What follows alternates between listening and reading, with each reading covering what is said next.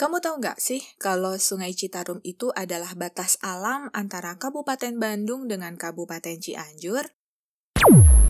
Kamu tahu nggak? Karena jadi perbatasan, Sungai Citarum adalah jalan yang sangat penting buat menghubungkan kedua kabupaten itu.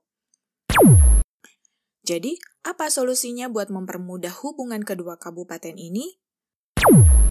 Yuk, simak cerita berikut.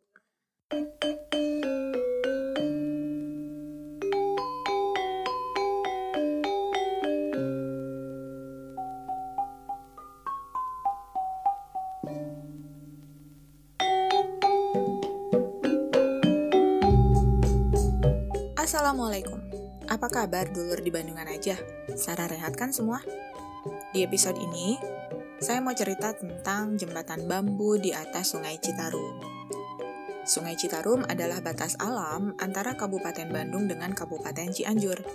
Dulu banget, kapan ya? Maksudnya pas sebelum dibangun jembatan dong ya. Buat nyeberangin sungai itu cuma bisa dilakukan dengan menggunakan rakit bambu. No worries sih sebenarnya, soalnya di daerah yang bernama Bayabang, ada rakit yang siap ngantar calon penumpang yang mau nyebrang. Kapan aja.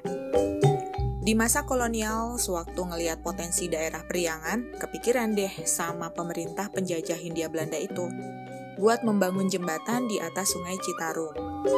Daerah Priangan itu tanahnya subur, udah gitu udaranya sejuk. Pasokan air banyak karena air ngalir dari mana-mana sampai cocok sama pepatah tongkat yang ditancapkan bisa jadi tanaman. Saking suburnya kali ya.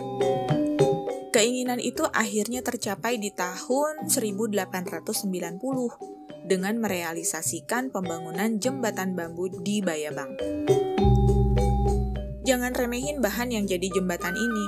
Meski dari bambu, bahan yang sederhana, desain kerangka konstruksinya pakai teknologi modern saat itu.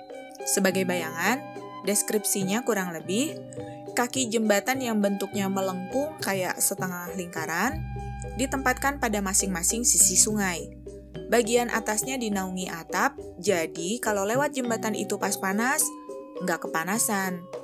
Kalau lagi hujan, nggak bakalan kehujanan. Sayangnya, jembatan itu cuma bertahan selama enam tahun aja. Jembatan itu hancur diterjang banjir besar sungai Citarum. Gara-gara kehancuran jembatan itu, masyarakat yang mau nyebrangin sungai Citarum jadi pakai rakit bambu lagi deh. Tapi ya jelas, kehancuran jembatan ini nggak bisa dibiarin gitu aja dong. Kebutuhan jembatan jelas tinggi, karena mobilitas masyarakat buat nyebrangin sungai Citarum juga makin naik. Bupati RAA Marta Negara yang saat itu sedang menjabat, tepatnya Bupati Bandung yang ke-10, membangun jembatan baru di Bayabang Hilir. Selama menjadi Bupati Bandung, Marta Negara berjasa mengembangkan kota Bandung. Beliau meletakkan dasar-dasar perencanaan kota Bandung. Di bawah kepemimpinannya, banyak dibangun sarana dan prasarana kota.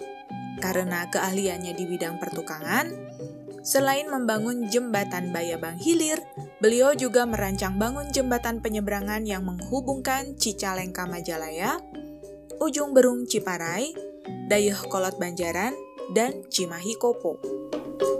Pembangunan jembatan baru itu dilanjutkan oleh pengganti Marta Negara, yaitu Bupati R.H.A.A. Wiranata Kusuma yang dikenal juga dengan julukan dalam haji. Bentuk jembatan tersebut menyerupai jembatan gantung. Dua tiang penahan yang ada di kiri kanan sungai Citarum terbuat dari kerangka besi. Sayangnya, lagi-lagi jembatan itu diterjang banjir sungai Citarum. Padahal saat itu daerah Priangan udah mulai berkembang jadi daerah perkebunan. Sekali lagi, karena fungsi jembatan ini punya peran penting banget dalam perekonomian, mengingat produksi kopi dan teh dari perkebunan itu udah menghasilkan keuntungan yang gak sedikit, pemerintah Hindia Belanda memutuskan untuk membangun jembatan baru dengan bahan yang lebih kokoh dari bambu pada masa itu, yaitu besi. Jembatan ini dibangun sepanjang 86 meter. Untuk menghindari terjangan banjir lagi, bagian tengah nggak dilengkapi tiang penyangga. Nggak cuma itu, bisa menekan biaya juga. Perencanaan pembangunan dikerjakan oleh Ing Jurgensen West, Kepala Bureau, Departemen VNV, dan pelaksanaan pembangunannya dikerjakan oleh Teknis Bureau Sunda. Dana pembangunan jembatan itu dikumpulin secara gotong royong dari Provinsi West Java, Regenschaft Cianjur, Regenschaft Bandung, dan Buswezen. Selain itu juga ada pungutan hasil bumi dari rakyat.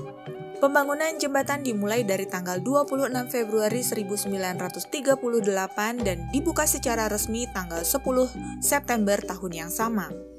Dari hasil penelitian, setelah jembatan itu berfungsi, selama tahun 1939 jumlah kendaraan yang melintasi jembatan itu tercatat sebanyak 177 kendaraan bermotor roda 4, 72 truk, 25 sepeda motor, 80 buah sado dan delman, 69 gerobak, dan 25.000 pejalan kaki.